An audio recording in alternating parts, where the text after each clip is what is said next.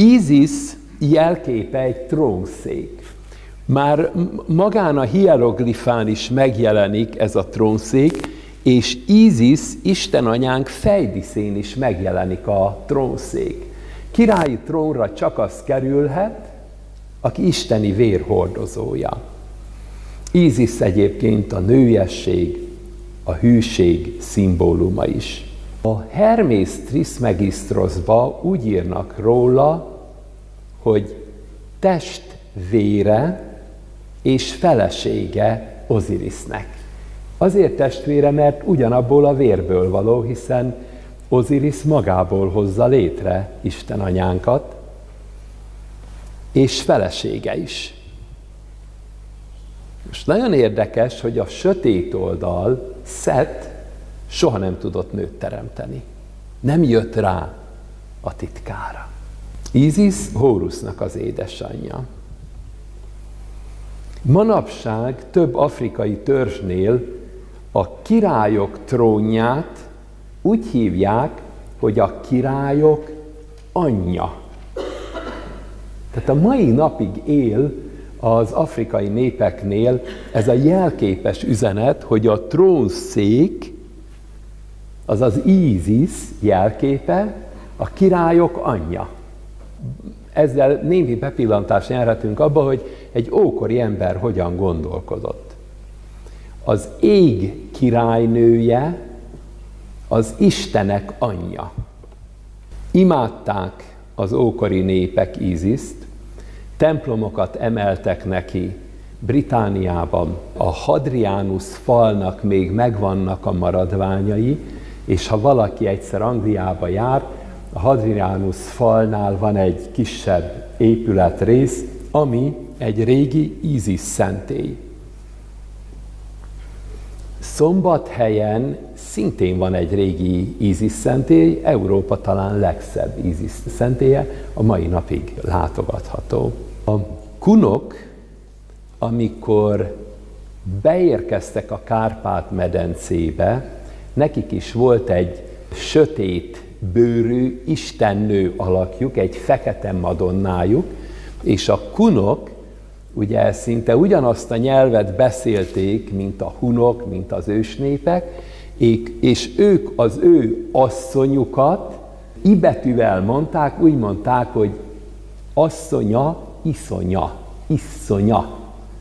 Ha valaki ellátogat a hortobágyra, ott a kenyeret kenyírnek mondják, ibetűvel mondják. A magyar nyelvnek van egy csodája, bármilyen mással hangzó közé más magánhangzókat teszel. Például kenyér, vagy kenyír, vagy ilmigyik i bildbi, viszik kinyirit. Ha egy kicsit furcsa is, de ha ülmügyük ü büldbű, vüszük künyürüt, vagy szögedejesen mondjuk, hogy ölmegyök ö böldbő, vöszök könyöröt, minden magánhangzóval meg lehet érteni a magyar nyelvet.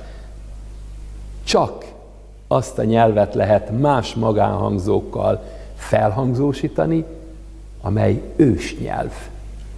Mert az ősnyelv leírásánál is csak mással hangzókat írtak, mert pontosan tudták, hogy az bárki ki tudja olvasni. Nagyon különös, hogy amikor az egyiptomi első hat dinasztia nyelvét, mitológiáját meg akarták fejteni, egyiptológusoknak meg kellett magyarul tanulniuk. Egyébként ez történt Mezopotámiába is. Mert az ősi papi nyelv, ahogy mondják még az indiaiak is, Indiában is volt mindig 5-6 olyan pap, akik ismerték az ősi papi nyelvet, amely ennek az ókori nyelvnek az etimonjait ismerték, mondhatnánk, meg kellett tanulniuk magyarul. Ízis szentélyeket tisztelnek még a 300-as években is, és a Földön vannak olyan helyek, ahol még a 6. században is tisztelték Ízis istennőnek az emlékét. Szaváriában, tehát itt Magyarország területén, az egyik római provinciába állt az Ízis szentély, amit 1963-ban újítottak fel, mai napig látogatható szombathelyen.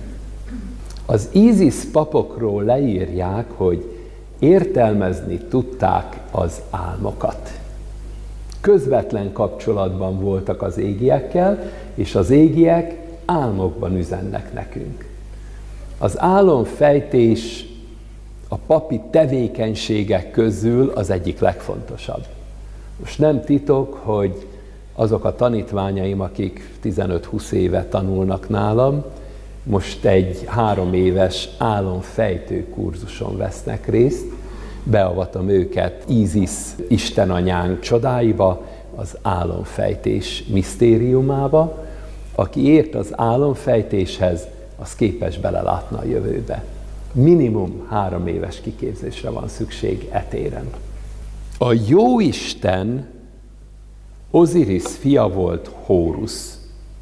Horuszt úgy is hívják, hogy Ré, Ra, Ír, Ar, Úr, a magyar úr szavunk is, ugyanúgy Hórusznak a neve, de úgy is hívják, hogy Ámon,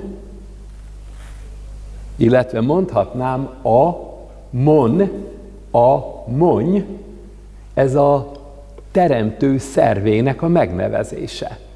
Hiszen onnan jön az élet, onnan indul az élet, majd a női nemi szerven keresztül születik meg az élet. Nagyon érdekes, ahogy a dél-amerikai indiánok hívják az Istent, ők Ámonnak nevét így ejtik ki, hogy telephasz.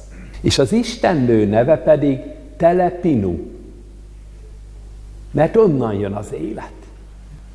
Tudom, hogy a mai embert egy kicsit megmosolyogtatják ezek a szavak, de ez a régi mitológiában egy teljesen elfogadott dolog volt, hogy honnan jön az élet, azt a bizonyos szervet isteni kinyilatkoztatásnak tekintették, ez volt a termékenységi vallásnak az időszaka. Ma ez a szobor a Louvre-ban található, ez a szoborcsoport a 20. dinasztia idején készült, ahol Ré, azaz Horus, a napisten, ő Jézus szelleme, aki egy atum vagy ámon névvel is nagyon gyakran összeolvad.